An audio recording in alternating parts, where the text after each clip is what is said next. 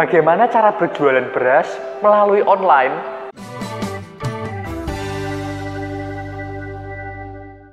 Halo guys, kembali lagi dengan saya Erik Kanadi. Hari ini ada pertanyaan yang menarik sekali dari Buni Made.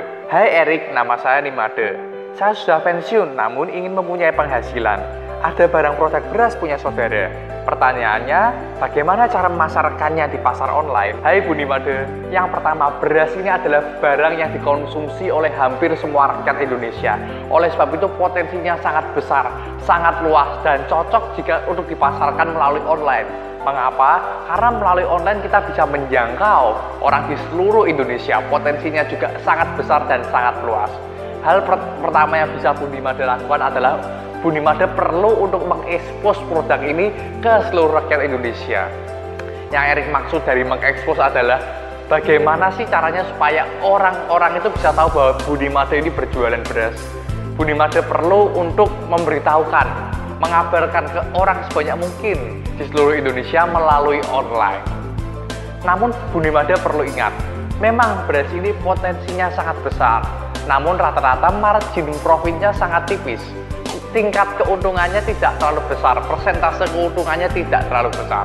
Oleh sebab itu, Buni Mada perlu waspada dengan yang namanya biaya-biaya promosi melalui online. Untuk berjualan melalui online, ada yang berbayar, ada yang tidak berbayar.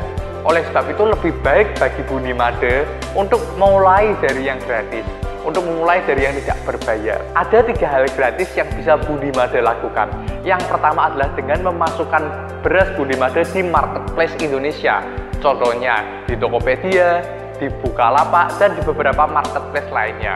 Untuk berjualan di Tokopedia dan Bukalapak gratis tidak berbayar. Oleh sebab itu Budi Made perlu untuk mencoba memasukkan beras Budi Made di marketplace-marketplace Indonesia. Dengan demikian orang yang ingin membeli beras dapat membeli beras Budi Made di Tokopedia, di Bukalapak dan di beberapa marketplace lainnya. Cara untuk berjualan di marketplace tersebut tidaklah susah. Budi Made bisa masuk ke websitenya dan langsung berjualan di website tersebut. Ada caranya, ada tutorialnya. Biasanya di masing-masing website sudah diajari bagaimana sih cara untuk berjualan di website tersebut. Cara kedua adalah dengan mempromosikannya melalui beberapa sosial media.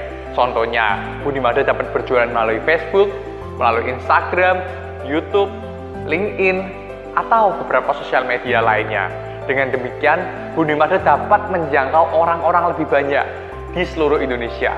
Contohnya, Bunimada dapat membuat Instagram yang isinya itu berjualan beras Bunimada. Bunimada menawarkan apa sih kelebihan dari beras Bunimada. Bunimada juga dapat menampilkan testimoni customer atau harga yang Bunimada jual. Pastikan bahwa di sosial media Bunimade, Bunimade mencantumkan nomor WhatsApp atau nomor handphone Bunimade sehingga orangnya ingin membeli beras Bunimade dapat langsung menghubungi kontak Bunimade. Bukan hanya gratis, namun ini juga sangat powerful dan efektif. Banyak sekali orang-orang kelas UKM maupun kelas yang sudah sangat tinggi berjualan hanya melalui sosial media saja. Namun omsetnya bisa ratusan juta rupiah, bahkan miliaran rupiah. Oleh sebab itu, hal ini patut dicoba sebab murah, gratis, sangat powerful. Hal ketiga yang bisa Bunimade lakukan adalah dengan membuat blog dengan membuat website melalui blogger atau WordPress.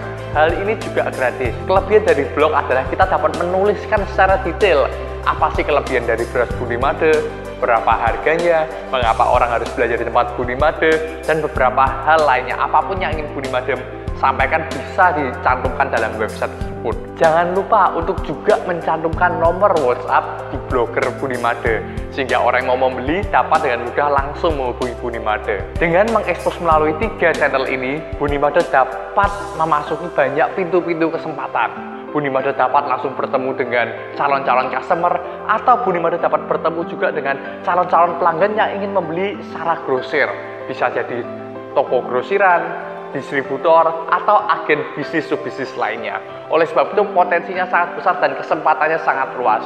Menurut Erik, lebih baik dicoba saja karena gratis dan jika gagal, Bunimade juga tidak rugi apa-apa. Begitu saja tips dari Erik hari ini. Bagi Anda yang punya pertanyaan, dapat langsung komen di video di bawah ini atau masuk ke www.erikaradi.com Jangan lupa untuk like, komen, dan subscribe untuk mengikuti video-video berikutnya. Salam sukses!